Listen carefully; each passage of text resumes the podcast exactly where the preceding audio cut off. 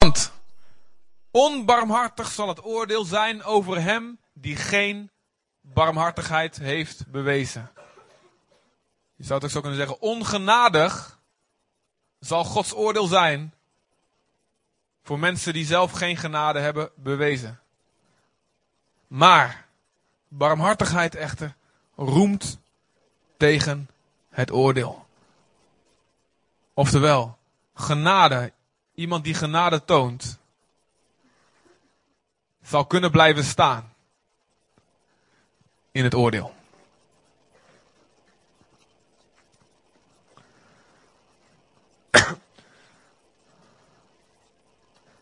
Jezus zegt, oordeel niet zodat je niet geoordeeld zal worden. Precies dezelfde maat waarmee jij anderen meet, zal je zelf mee gemeten worden. Als die maat een harde maat is, als jij hard oordeelt over anderen, zal er hard over jou geoordeeld worden.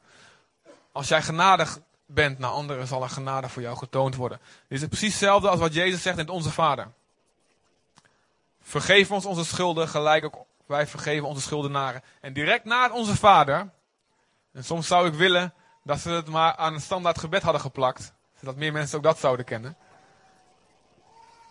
Direct na het van u is de kracht en de heerlijkheid de eeuwigheid. Amen.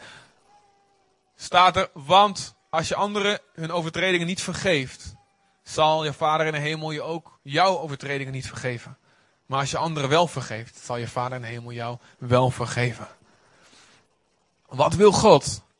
Is dat de genade die hij ons laat zien, dat die ons hart verandert. Zodat we genade gaan uitdelen naar mensen. Maar verandert die genade ons hart niet, dan verspelen we onze eigen genade. De genade moet je hart veranderen. God houdt van je. Hij is stapelgek op je. Hij is doldwaas verliefd op je. En wat je ook gedaan hebt in je leven, niks is te groot of te heftig om hem van je af te houden. Niks is te erg dat hij er zo door geschokt is van, nou, dat hoeft niet. Zo iemand hoef ik niet te hebben. Een tollenaar, een landverrader, dat hoeft niet hoor. Jezus zei, kom uit Matthäus. En weet je, hij richt, er werd een maaltijd aangericht in het huis van de tollenaar. En een menigte tollenaar zat met hem aan tafel, staat er. Het is bijna de, de, de, zeg maar, de, de toogdag voor verraders. En Jezus at met hen, ze spraken allemaal de schande van. En er kwam ook nog een hele stoet prostituees bij, die ook nog binnen huppelden. En ze gingen allemaal eten met Jezus. En de religieuze leiders waren geschokt en zeiden: ik, We dachten, misschien is dit de Messias, maar kijk wat hij doet, kan niet goed zijn. Want zo'n heilige Messias zal nooit met zulke vieze mensen omgaan. Dit is het hart van God. Genade. Niet, ga maar lekker door met mensen oplichten wat die tollenaars dus deden. Waarom ze zo'n hekel hadden in tollenaars was dat ze dus flink extra bovenop de belasting een som uh, er bovenop legden. Van, uh, je moet 10 euro betalen, maar uh, ja, 30. En dat verschil staak in zijn eigen zak. Jezus zei niet, ga er maar lekker mee door. Is prima, geen probleem. Jezus zei niet tegen de prostituees van, ga maar door. Is een goede levensstijl. Is gezond voor je. We, misschien zei hij dat van. Misschien zweeg hij eerst in het begin veel erover. Ik weet we weten niet precies wat hij deed. Als het ter sprake, van, als het ter sprake kwam, zou hij zeker de waarheid gezegd hebben. Maar Jezus houdt van mensen. Jezus houdt van iedereen. Hoe ver ook. Jezus houdt van mensen die in onze ogen het verschrikkelijkste, de verschrikkelijkste dingen doen.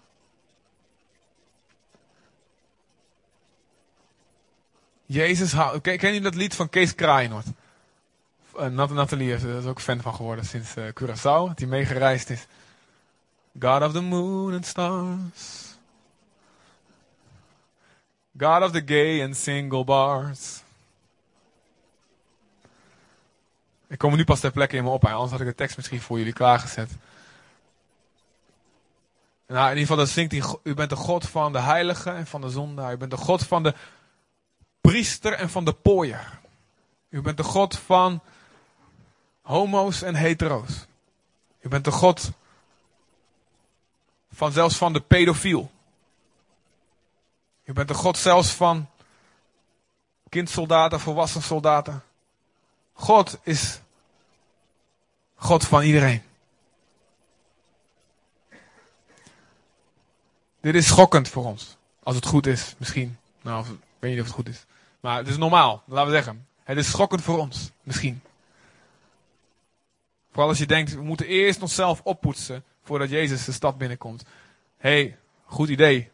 Heilig leven, goed idee. Luister ook mijn andere preken. Maar het mooie is, Jezus komt en heeft iedereen lief. En laat zijn genade zien. En laat zijn genade zien. En hij eet met de zondaars. Weet je waarom wat hij dan zegt? Gezonde mensen hebben geen dokter nodig. Ik moet naar de zieke mensen gaan.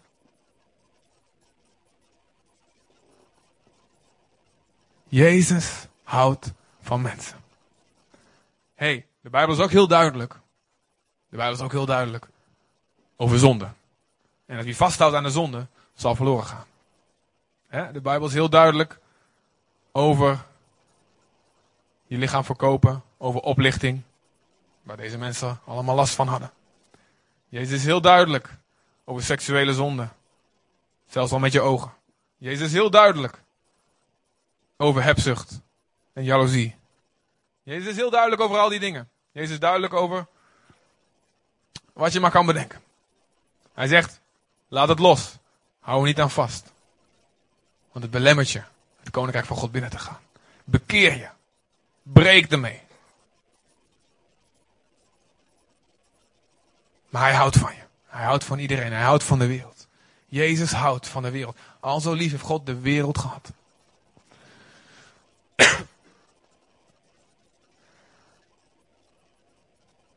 En wat hij wil is dat wij genadig zijn. Jezus kwam in al onze levens als het goed is. Als, als hij nog niet gekomen is, dan is er vandaag ook de kans voor om hem binnen te laten. Amen. Jezus is in al onze levens gekomen. En er zitten hier mensen die Jezus hebben ontmoet op het diepste punt wat je menselijk gezien maar kan spreken. Zitten hier mensen in de gemeente die hebben Jezus ontmoet in de gevangenis, in de afkeerkliniek, in uh, gebroken huwelijken, in gebroken levens, gebroken alles. Er zitten hier ook mensen die Jezus ontmoet hebben, terwijl het eigenlijk uiterlijk gezien best goed met ze ging. Ik hoor daar bijvoorbeeld bij. Mijn hart was vol oordeel. Ik was nog maar 18 jaar, maar mijn hart was vol oordeel over mensen die het niet zo goed deden als ik. En daarom was er geen ruimte voor Gods genade naar mij toe in mijn leven. En God moest mij in elkaar slaan. Het verhaal kennen de meesten van jullie. God moest mij flink uh, door elkaar schudden. Om te laten zien dat ik het net zo goed vergeving nodig had. En wat gebeurde? Op dat moment verdween het oordelen van anderen uit mijn hart. Het is daarna best wel eens teruggekomen hoor, moet ik zeggen. Soms elke dag wil het nog wel eens terugkomen. Maar Jezus zegt oordeel niet, omdat je niet geoordeeld wordt. Dit betekent dus niet dat we ons niet uit moeten spreken tegen zonde. Jezus zei dat ook. Maar dit betekent dat we moeten lief hebben, ongeacht wie of wat er voor ons staat. Oordeel niet. Want hoe jij anderen oordeelt, zal jou geoordeeld worden.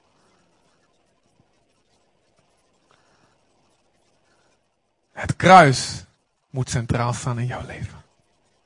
Om genadig te blijven. Om oordeelvrij te blijven. Soms kunnen we ons zo opwinden over mensen. Elke dag nog komt dat naar boven. Oh man, heeft hij nou nog niet geleerd? Oh, maakt hij alweer dezelfde fout? Wat is dat nou voor idioot die me zo afsnijdt op de weg? Of die voorkruipt. Of als je bij een concert hoor je vooraan staat en die zo schuifeltje, schuifeltje zo voor je probeert te... Iemand van twee meter dan net natuurlijk. Hè? Zegenen mensen van de, rond de twee meter. en dat zijn dan de alledaagse dingen. En dan heb je de heftige dingen. De onuitsprekelijk heftige dingen zelfs van het leven. En Jezus zegt, ik heb jou vergeven. En of, of het nou iets kleins of iets groots, vergeef zoals, jou, zoals jij zelf vergeven bent. Zoals, precies zoals jij zelf vergeven bent. Precies zoals jij zelf genade wil hebben van God, geef genade aan mensen. Soms moet je, als je, als je in een situatie zit dat je, dat, je, dat je zoveel geduld moet hebben met mensen, denk man, dit kan helemaal niet. Denk maar aan het geduld wat God met jou gehad heeft.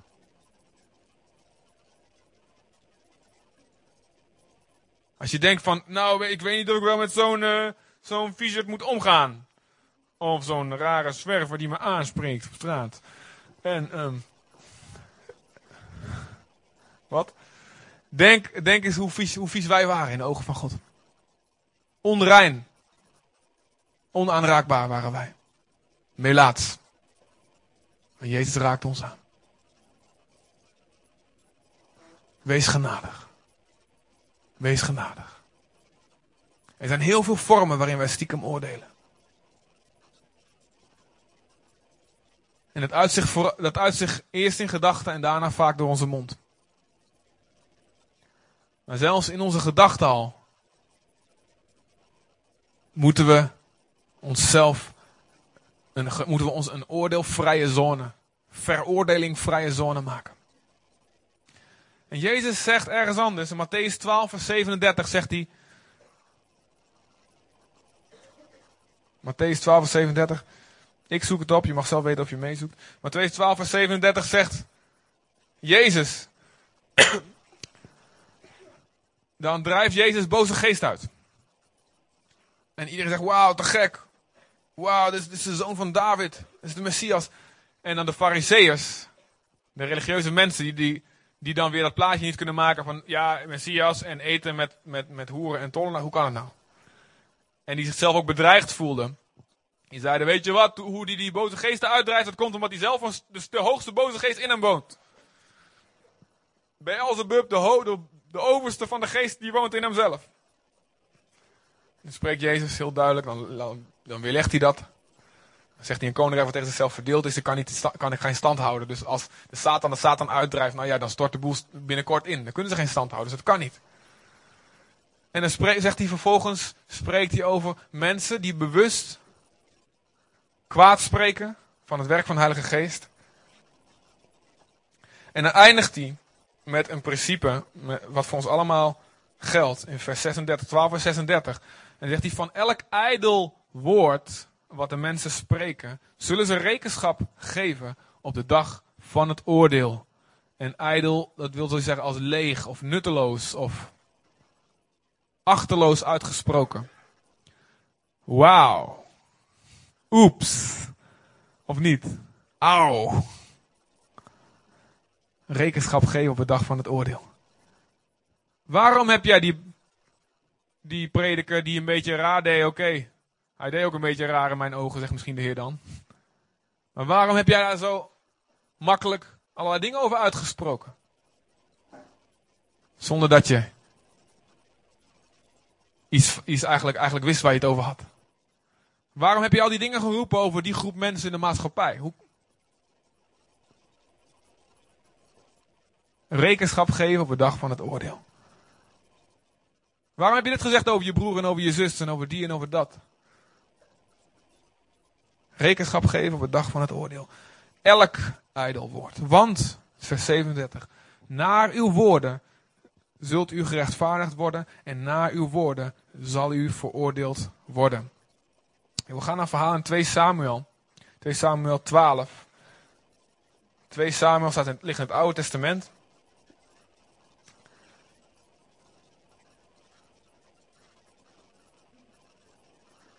En het gaat over David. David was een koning.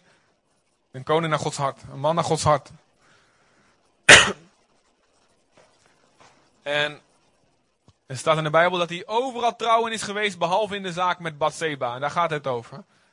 Hij zag zijn buurvrouw op het dak baden. En ik heb al te vaak hier het grapje gemaakt daarover. Dat doe ik niet nog een keer. En um, dan, Hij pleegt overspel met zijn buurvrouw. Buurvrouw wordt zwanger. De man van de vrouw, zijn buurman, is een soldaat in Davids leger, terwijl David zelf thuis blijft. En David zegt, oké, laat hem, kom maar snel alsjeblieft naar huis. Ehm, en slaap met je vrouw. Kom terug van het, strijd, van het strijdveld. Zodat iedereen kan denken, nog steeds, het is gewoon van een man zelf geweest. Want die is een nachtje terug geweest van de oorlog.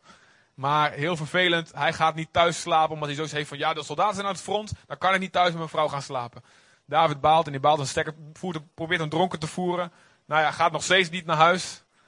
En um, uiteindelijk zegt hij, nou ja, die gast wil niet meewerken. Zet hem vooraan. Generaal Joab zet hem vooraan in het leger. Zodat hij als eerste afgemaakt wordt in de oorlog. En zo gebeurt het. Die man die, gaat, die man die sterft. En David neemt haar tot zijn eigen vrouw. Wauw. Moord en overspel en bedrog. En houdt het verborgen. En op het moment dat het kind al geboren is, dus minstens negen maanden later, komt de profeet Nathan bij David met het volgende verhaal. Uh, 2 Samuel 12. En de Heer stond Nathan tot David. De profeet Nathan. Deze kwam bij hem en zei tot hem. En let op. Dit is een slimme manier om iemand met zijn zonde te confronteren. Vertel een verhaaltje. Er waren eens, heel lang geleden, er waren in een stad twee mannen. De een was rijk en de ander arm. De rijke had heel veel schapen en runderen. De arme had niets, behalve één klein ooilammetje dat hij had gekocht en opgekweekt. Ik denk dat hij ook zo'n stemmetje gedaan heeft, zo'n zo zielig, zo'n lief stemmetje. Het groeide bij hem op en samen met zijn kinderen. Het at van zijn beten, at van zijn eten, dronk uit zijn beker en het sliep in zijn schoot. Het was hem als een dochter. Onze kinderen zouden nu ah, met zulke ogen staan te kijken. Eens kreeg de rijke man bezoek. Hij kon er niet toekomen.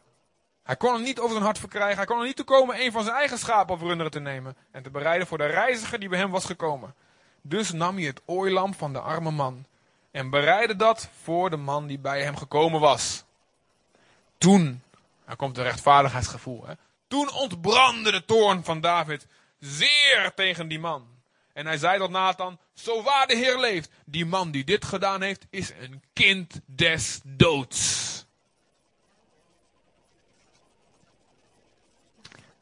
En het oorlam moet hij viervoudig vergoeden omdat hij dit gedaan heeft en geen medelijden had. En daarop sprak Nathan tot David. Jij bent die man. En lef, hè, die gast, uh, uh, die meneer. Lef om de koning zo aan te spreken. Die je voor de krokodillen kan gooien. Zo zegt de Heer, de God van Israël, ik heb je gezalfd tot koning over Israël, je gered uit de macht van Saul. Ik heb je gegeven het huis van je Heer, de vrouw van de Heer in je schoot. Ik heb je gegeven het huis van Israël en Juda, en indien je dat te weinig was geweest, had ik je nog wel meer gegeven. Waarom heb je dan het woord van de Heer veracht en gedaan is wat kwaad is in, mijn, in zijn ogen? De Hethiet Uria, zijn buurman, heb je door het zwaard verslagen. Zijn vrouw heb je tot vrouw genomen, hemzelf heb je door het zwaard van de Ammonieten gedood. En vervolgens oordeel van God wordt over uitgesproken. David zegt, en dat is zijn redding, daarom is hij nog steeds een man naar Gods hart. Ik heb tegen de Heer gezondigd. Hele zeldzame woorden. Voor iemand met zo'n machtspositie. Die geconfronteerd wordt om zijn eigen zonde. Ik heb gezondigd.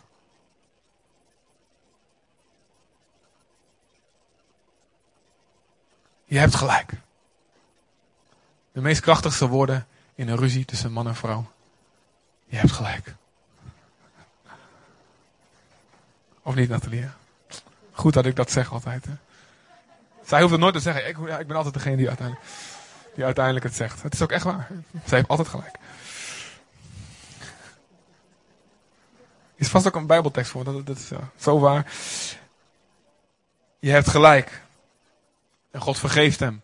Maar er zijn wel gevolgen voor de daad. Waar gaat het om? Hij wordt geconfronteerd met zonde. En dan ontbrandt zijn woede ontbrandt tegen die man.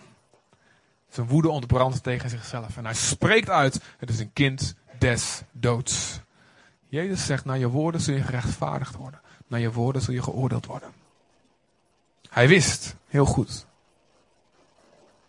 Hij wist heel goed hoe het zat Alleen op zichzelf was hij, voor zichzelf was hij iets genadiger dan voor een iemand in zo'n verhaaltje. En vaak zijn wij voor onszelf ook een stuk genadiger dan voor mensen in verhaaltjes om ons heen. We zijn vaak voor onszelf heel genadig als er iets misgaat. En het is goed. Ik vind dat het goed is. Ik heb niet over, als het zonde is, moet je gewoon bekeren en zonde beleiden. Maar in principe gewoon, weet je wel, dingen die kunnen gebeuren. Het is goed dat we genadig zijn. Maar iemand anders, die dezelfde soort misstap maakt.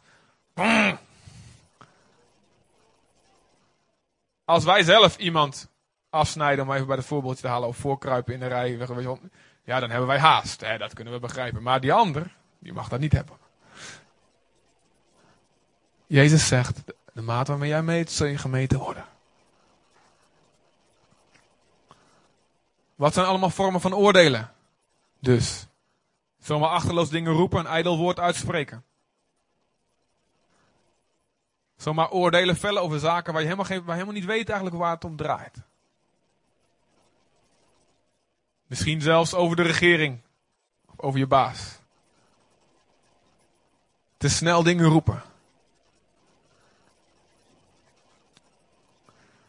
Kwaad spreken, roddelen. Oordeel. Het is een oordeel uitspreken. Wat doet genade? Wat doet iemand die de genade van God snapt?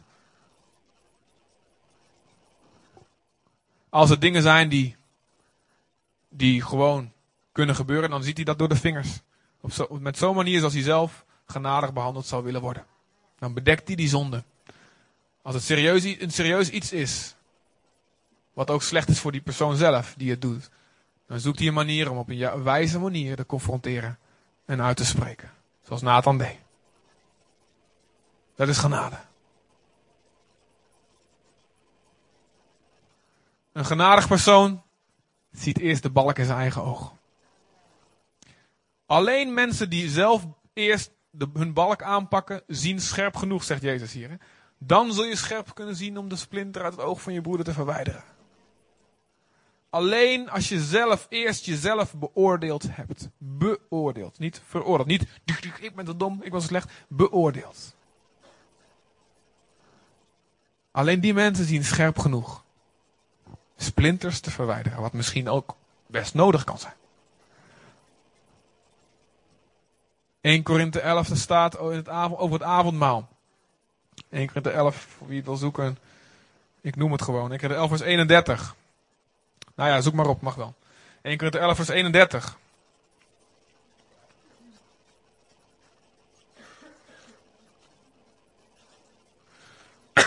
Dan gaat over het avondmaal en er, worden, wordt heel wat afgegeten. Afgestranst bij het avondmaal. Iedereen ze nemen allemaal zelf eten mee. En de rijken nemen heel veel mee. En de armen die hebben niet veel. En dan... Die rijken eten zichzelf vol. En andere mensen hebben niks. En bovendien zijn ze heel achterloos. Ze beseffen niet waar het om gaat. En dan zegt, zegt hij, nou, omdat jullie daar zo achterloos mee omgaan, dat is de reden dat er zoveel mensen ziek en zwak zijn onder jullie, dat er zoveel mensen zelfs sterven. Waarom, hoe zit dat nou? 11 vers 31, indien wij echter onszelf beoordeelden, zouden we niet onder het oordeel, onder Gods oordeel komen. Maar onder het oordeel van de Heer worden wij getuchtigd, opgevoed. Op dat met als doel dat we niet samen met de wereld uiteindelijk veroordeeld zouden worden. God zegt, wil je het oordeel ontwijken? Beoordeel jezelf. Kijk naar de balk in je, in je oog. Beoordeel jezelf. Dan zul je scherp kunnen zien. Een genadig iemand is ook iemand die snel is om te horen en langzaam om te spreken. Jacobus 1 vers 19.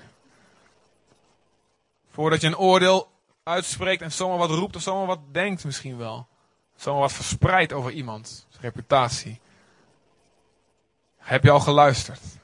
Heb je al gesproken? Heb je al geluisterd wat erachter zit? 80, 90 procent van alle conflicten, ook in kerken en in bedrijven en in scholen en families, komt eigenlijk voort uit misverstanden. Dingen die gewoon verkeerd begrepen worden. Heb je al geluisterd? Daarom een mens moet snel zijn om te horen, langzaam om te spreken. En daarom heb je twee oren en één mond. twee keer zoveel horen dan dat je spreekt. Misschien wel drie keer. Maar drie oren staat zo lelijk. Had hier bovenop misschien of zo moeten, ja. Dan komt mijn, mijn mooie kapsel dan weer in de war. Dus, snel om te horen, langzaam om te spreken. Dus als je iemand ziet die anders is dan jij, roep niet te gauw, roep niet zo snel wat. Er zijn verschillen tussen man en vrouw. Ik kon vroeger heel goed oordelen, zelfs toen ik tot geloof kwam, kon ik heel goed oordelen. En God moest mij flink nog in elkaar. Ik was een beetje zo'n. zo'n ik kwam tot geloof, maar mijn oude vlees was nog behoorlijk levend. In heel veel dingen. En. Ik was aangeraakt door God. Ik had een ervaring gehad. En. Een van de dingen die ik had van. Ja, oké, dus uh, ik ga er keihard voor. Ik ga radicaal ervoor. En uh, naar de wereld kon ik, uh, kon ik, had ik geleerd, oké, okay, niet, ja, ik, ga, ik, kon, leerde ik om genade te zijn. Maar naar christenen kon ik keihard zijn. Ik zeg, wat nou, kan jij niet je Bijbel lezen? Wat slaat dat op, man? Ik bedoel, ik... Want ik vrat, dat, ik vrat dat ding op en ik dacht, ik kon niet begrijpen dat andere mensen dat niet deden. Ik zei, hoezo kan je niet zo keihard voor God gaan en radicaal en vroeg uit je bed om te bidden? Wat is dat nou? En ik kon heel erg...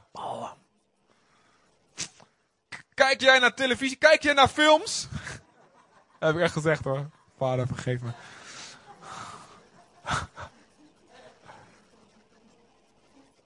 Het is allemaal tijdverspilling terwijl de zielen voor eeuwig verloren gaan en jij kijkt een film.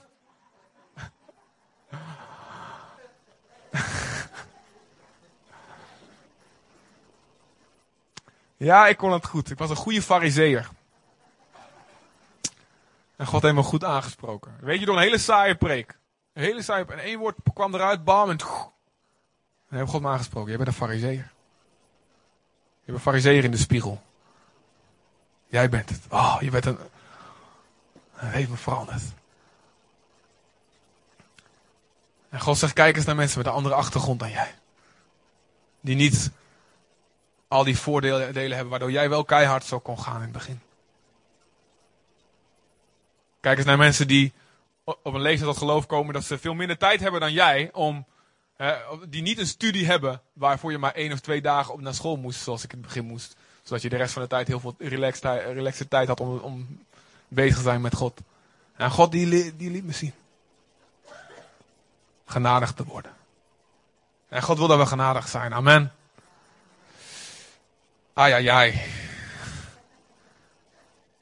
Oordelen over uiterlijk. Over iemand die stinkt. Misschien zit hij wel nu zelfs nu, nu naast je. Iemand die geen deodorant op gedaan heeft. En dan gaan ze heel heftig de Heer aanbidden. Als er zo iemand naast je zit, zeg maar, ik vergeef je broeder, ik vergeef je. Wees genadig. En weet je,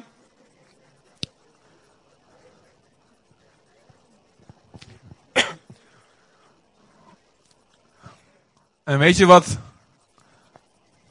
blijven staan. Weet je wat Satans belangrijkste tactiek is? Aanstoot. Beledigd worden.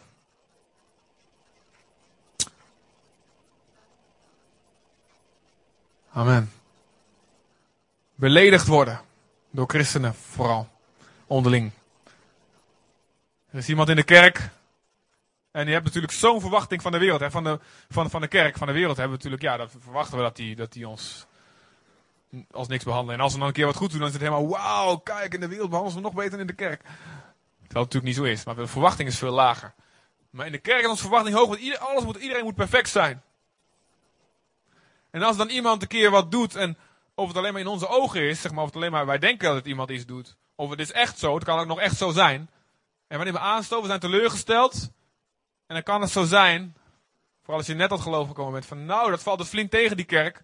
Weet je wat, ik ga wel op mijn eentje God geloven. Weet je hoeveel miljoenen mensen hierdoor af zijn gedreven van het geloof en weer verloren zijn gegaan? Dit is Satans nummer 1. Ja, ik, weet, ik denk nummer 1. Ik weet het niet hoor. Ik hou die statistieken van hem niet bij, gelukkig. Maar je ziet het keer op keer weer. Aanstoot, aanstoot, er gebeurt iets, er gebeurt iets. En oordeel daarover. Laat je Gods genade verspelen. We moeten over ons hart waken en we moeten ook over onszelf waken. Weet je, het, het, zal gebeuren. En ik zeg het tegenwoordig bij alle, elke dooponderwijs zeg ik het erbij. Het zal gebeuren dat je teleurgesteld wordt. Misschien zelfs door de voorganger. Of door je twaalfgroepleider. Of door wie dan ook. Het zal gebeuren. En misschien heb je gelijk. En misschien heb je geen gelijk. Maar misschien heb je ook echt gelijk. Sta je helemaal in je recht. Is je echt wat aangedaan. Mag het, kan het ook echt niet wat er gebeurt. Maar als jij aanstoot neemt. En geen genade geeft. Kan het zo zijn dat jij die gelijk had uiteindelijk verloren gaat. En diegene die geen gelijk had, die jou het aangedaan heeft, genade krijgt. Dus wil je gelijk hebben of wil je genade hebben?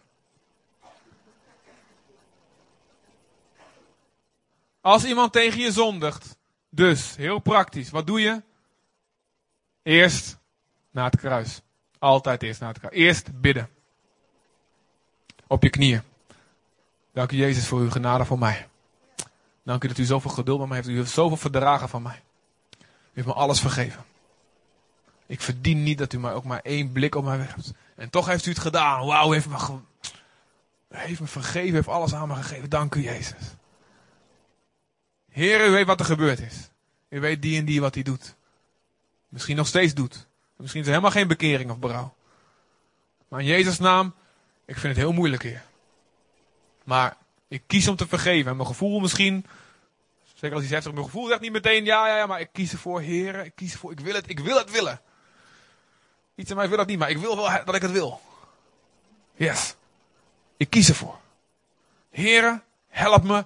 Oh, ik kies om die persoon lief te hebben. Ah, tegen die persoon, ah, tegen die persoon. Ah. Misschien moet je het een paar keer doen en het gebeurt, het verandert, verandert, verandert, verandert.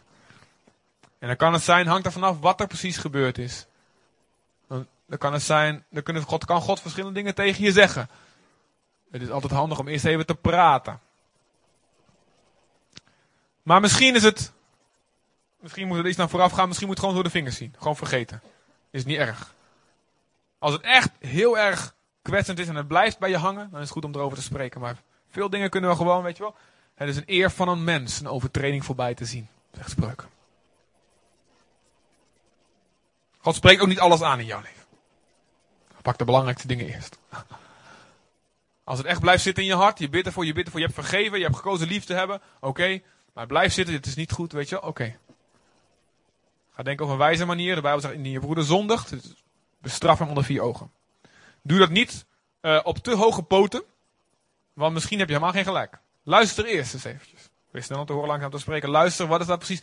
Weet je, ik wil echt tegen je zeggen van dit wat er gebeurd is. Ja, het voelde me zo, voelde ik zo en zo. In mijn ervaring leert 70, 80 procent is het helemaal niet zo bedoeld. En dan weet die, persoon helemaal geen idee van. Misschien had je een hele hoge verwachting van die persoon. Had je nooit uitgesproken. En die persoon voldoet daar niet, niet aan. Maar die weet helemaal niet dat jij dat van hem verwacht. Dat is, dat eigenlijk onrechtvaardig. Als je, dus het, luister. Zoek eerst te begrijpen voordat je zoekt om begrepen te worden.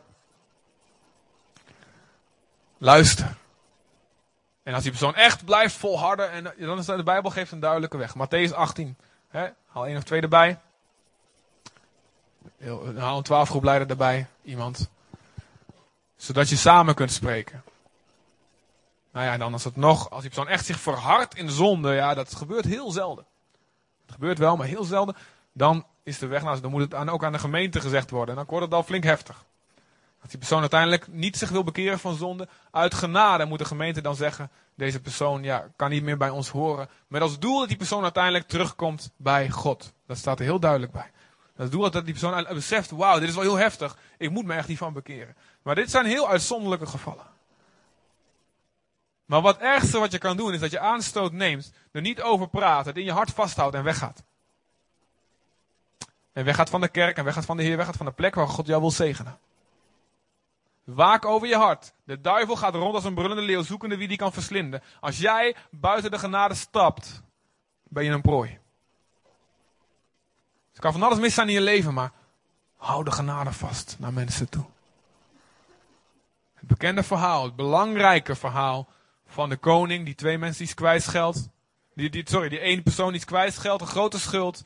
Daarna ziet die persoon zijn buurman die hem ook een flink bedrag kwijt schuldig, schuldig is. Er staat niet dat het een tientje is of zo. Echt, er staat ook een... Hij was, hem was een paar miljard kwijtgescholden. En hij ziet iemand die was hem wel 10 of 20.000 euro ongeveer schuldig, omgerekend. Ook best iets heftigs. En die wou hij ook niet kwijtschelden. Die wou hij ook niet vergeven. En God zegt, oké, dat doet me pijn. En nu moet jij zelf je schuld afbetalen.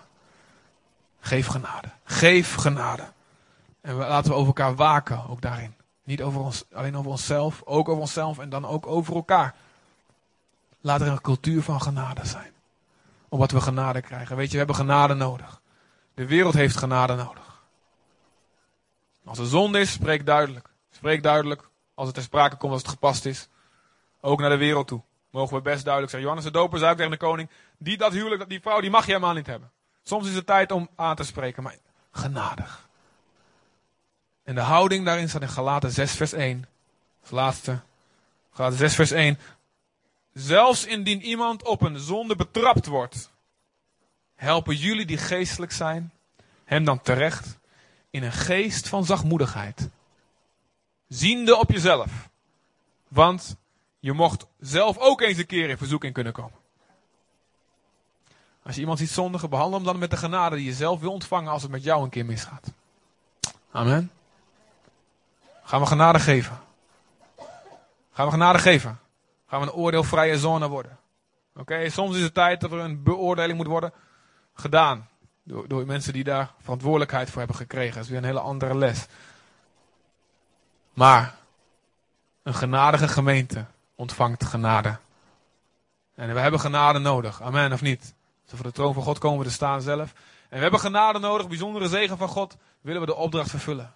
De opdracht is Zutphen voor Jezus, Nederland voor Jezus, de einde van de aarde voor Jezus.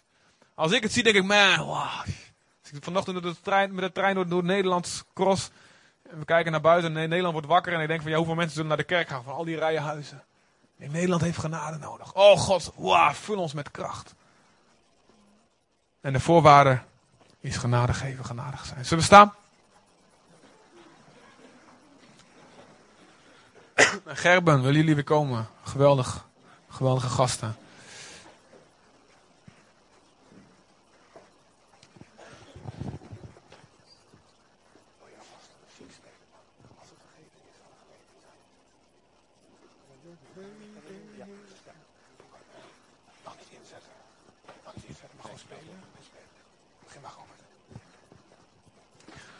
Oké, laten we onze ogen sluiten. Vader God, Heer, dank u wel. Ik bid op dit moment, Heer, voor iedereen, Heer, die oordelend is, Heer. Naar mensen toe.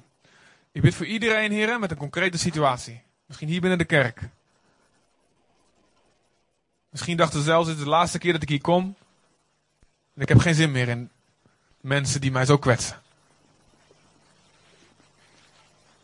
Vader in Jezus' naam, Heer. Maak ons hart zacht, Heer. Maak ons hart zacht met uw genade, Heer.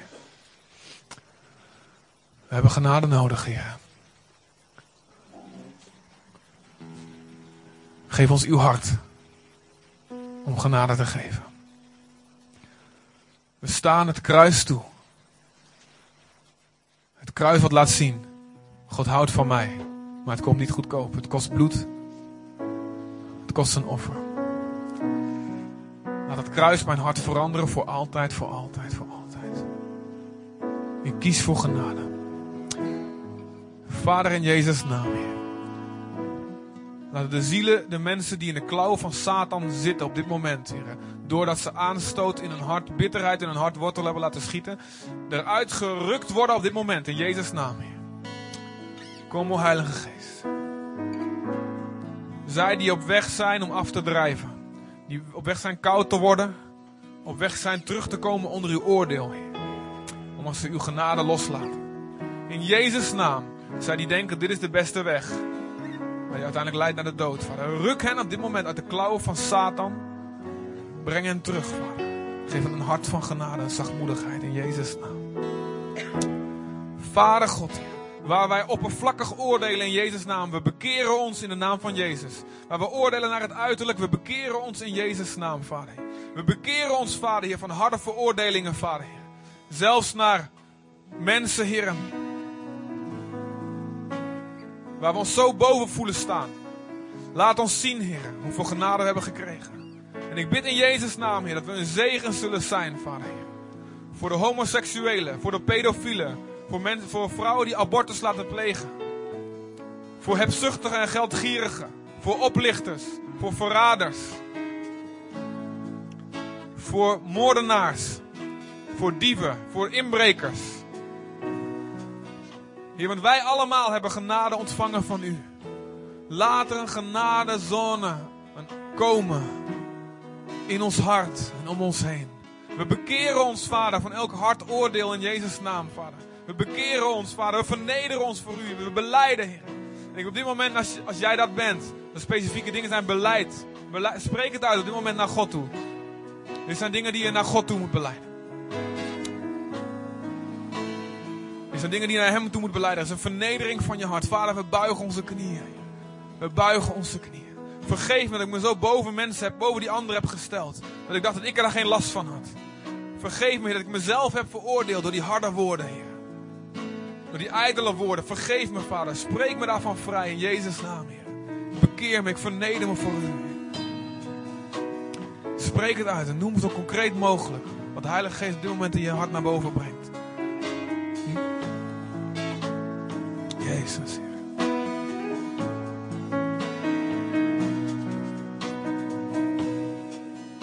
Jezus. We bekeren ons, Heer.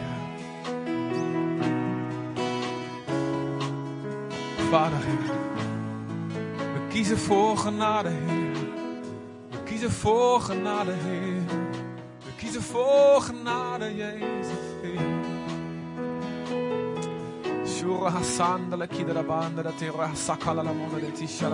De.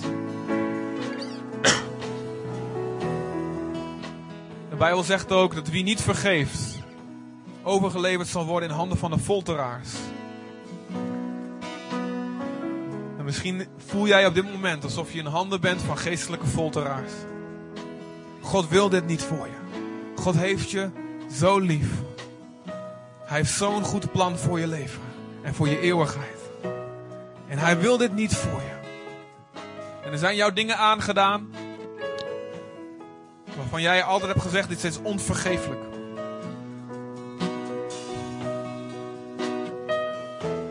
God roept je op dit moment om te vergeven. Om de keuze te maken om te vergeven. God roept je om genadig te zijn. En de genade op dit, voor, voor dit soort dingen betekent niet het onder het tapijt schuiven. God schuift niks onder het tapijt. Maar vergeven betekent dat we het overgeven aan een hogere rechter. Dat wij zelf van een rechterstoel afstappen. En dat we zeggen, ik ben niet degene die mag oordelen, die de rechter mag zijn hierover, maar God wel. En God zegt, mij komt de wraak toe en ik zal het vergelden. En als er dingen vergolden moeten worden, zal God dat doen. Maar God weet ook of iemand nog tot bekering kan komen of niet. Maar God zegt, om jou, omwille van jou, omdat ik jou genade wil geven, is het belangrijk dat je dit loslaat. Dat je dit in mijn handen overgeeft. Vertrouw mij maar dat ik een goede rechter ben. Vertrouw mij dat ik een goede vader ben. Die opkomt voor zijn zonen, voor zijn dochters die dingen worden aangedaan.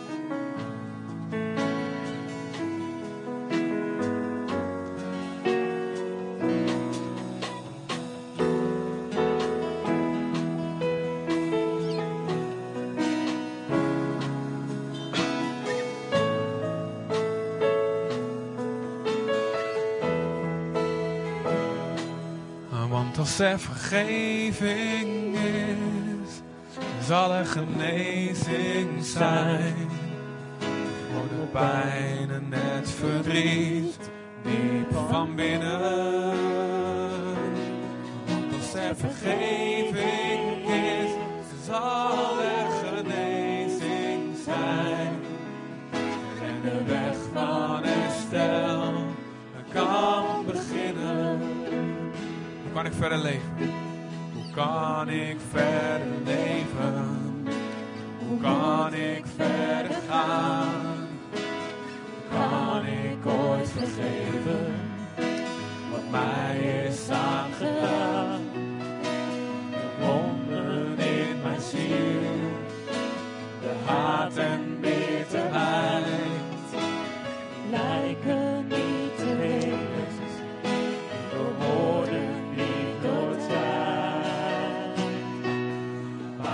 vergeving is, dan kan er genezing zijn.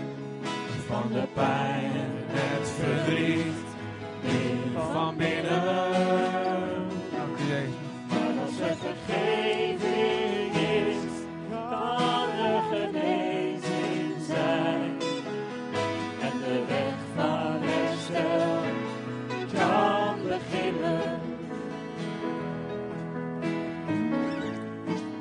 gaan het volgende couplet zingen. Het refrein van dit lied. En iedereen die wil reageren naar God toe. Die wil zeggen, ik moet stappen in die genade. En het kan zijn, je moet vergeven. Op de diepte zoals in dit lied gezongen wordt. Iets waarvan je denkt, dat is onvergeeflijk. Maar ik wil het, ik kies ervoor. Als dat bent, kom naar voren. Als het lied zo, zo, zo gaan zingen, kom naar voren. Zing het lied hieruit voor God. Er zijn ook mensen die met je kunnen gaan bidden dan, daarna. Als je dat wil. Maar ook anderen. Als je merkt van, ik merk echt dat ik een structureel oordeel in mijn leven heb. En ik moet een stap zetten om me daarvan te bekeren. Ook jullie wil ik uitnodigen om naar voren te komen als het lied verder zingen. En tenslotte, als derde groep, als jij hier zit en je, moet, je hebt nog nooit een keuze gemaakt om Jezus in je leven binnen te laten. Je hebt nog nooit zelf eigenlijk een beroep gedaan van Jezus, ik heb genade nodig. Misschien dat je heel veel oordeel wel in je hart naar mensen toe. Als jij dat bent, dan wil ik je ook vragen om hierbij te komen staan. En gewoon aan te geven, ja, ik wil hier gewoon, moet gewoon een keuze maken voor God. Misschien kom je terug. Misschien ben je al eerder bij hem geweest, maar je bent afgedwaald. Misschien wel doordat je aanstoot genomen hebt. Dan wil ik je vragen om te komen. We zingen dit nog één keer. Dan mag iedereen naar voren komen. Ook de bidders. Kom maar erbij staan. Vader, dank u wel, Heer.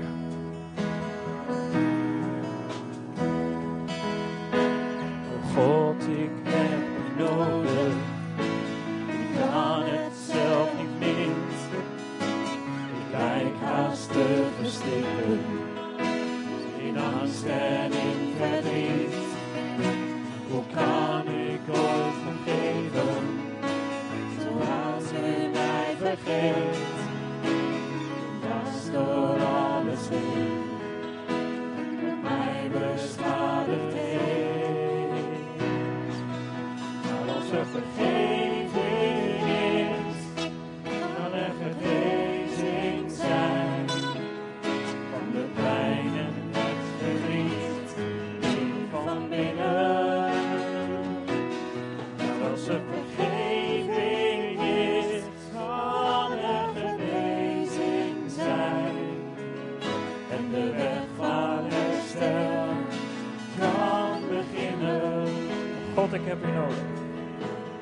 God, ik heb u nodig.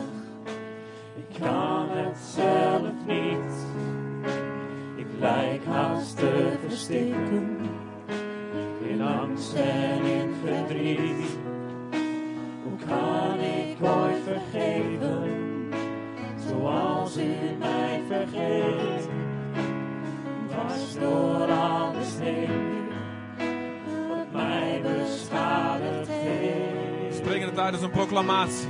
Maar als er vergeving is, zal er genezing zijn. Van de pijn En het verdriet. die van binnen. Als er genade is, zal de Heilige Geest stromen met genezing. Zal stromen, Heer, met genezing. Voor ons en voor de wereld.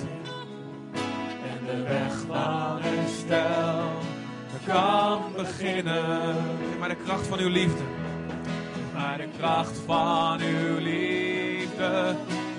Ver, geef ons de kracht van uw liefde, Vader. Ook al zal er een litteken blijven. De liefde is sterker dan de dood. De is sterker dan de dood. En uw vergeving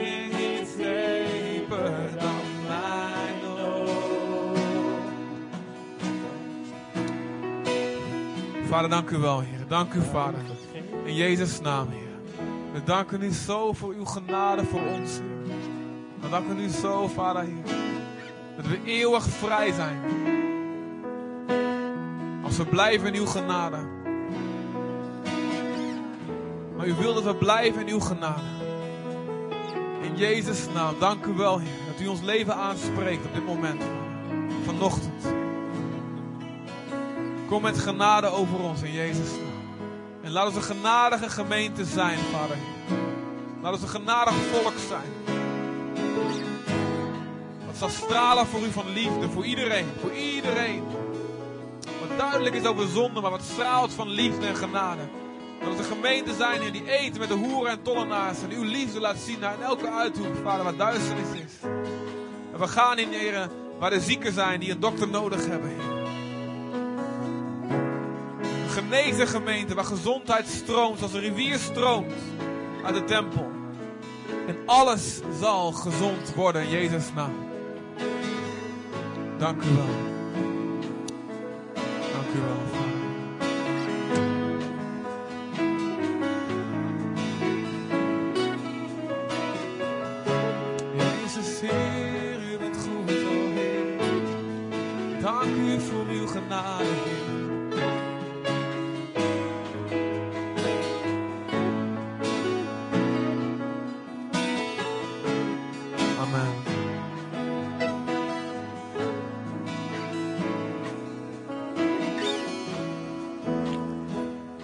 Amen.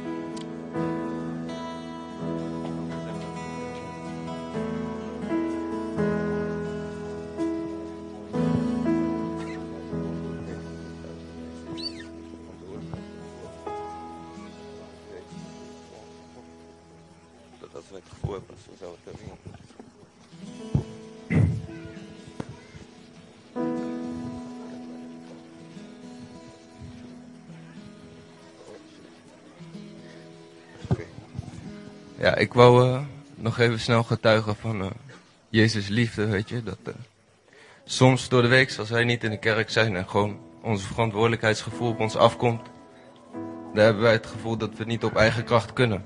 Maar ik wil gewoon zeggen, weet je, pak Jezus hand vast. Want hij heeft alles voor ons opgegeven, weet je. Wat, wat je tekortkoming ook mag zijn. Jezus die wil het voor je doen, weet je. Dus als wij van de week thuis zitten en soms ons verantwoordelijkheidsgevoel op ons afkomt. Pak dan Jezus hand vast. Want hij zal het voor u doen geschieden, weet je. Dat wil ik gewoon zeggen. Dank u wel, Jezus. Dank u wel. Amen, oké. Iedereen die wil blijven bidden. De, de band zal nog eh, een paar nummers doorspelen. Zodat we hier gewoon een sfeer van aanbidding houden. Tegelijkertijd voor diegenen eh, die dat willen. Er is koffie, er is thee. Ontmoet elkaar. Met name dus, jongens, let op elkaar. Dat we niemand alleen laten staan. Veel zegen voor jullie voor deze week. En ook als je gewoon niet per se voor gebed wil komen, maar je wil nog even gewoon een tijd van aanbidding hebben met God, voel je vrij om even hier vooraan te komen staan als er gezongen wordt. We sluiten hierbij alles af. God zegen. En ehm, amen, amen.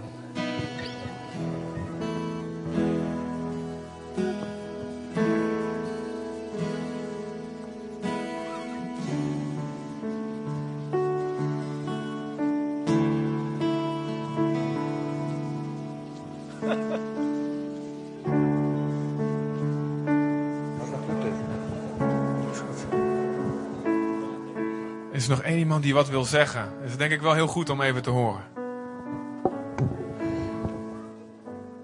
Ehm, Ja, wat ik graag wil zeggen, ik wil mijn dank uitspreken naar alle mensen hier die voor mij hebben gebeden, want eh, ik ben genezen. En ehm, ik ben 9 juni ben ik in het ziekenhuis opgenomen met de absces in mijn keel die uit de hand is gelopen. Eh, dat is uiteindelijk naar mijn longen en naar mijn hartzak ge- gezakt. Waardoor eh, ja, een uitge- uit de hand gelopen absces is ontstaan. Eh, waardoor ik op het randje van de dood heb gelegen. En ehm, ik weet eh, dat eh, God alles ten goede heeft gebracht. En dat Jezus mij heeft genezen. En ik weet ook dat deze gemeente ook voor mij heeft gebeden. En daar ben ik God dankbaar voor. En voor iedereen. In Jezus' naam. Amen.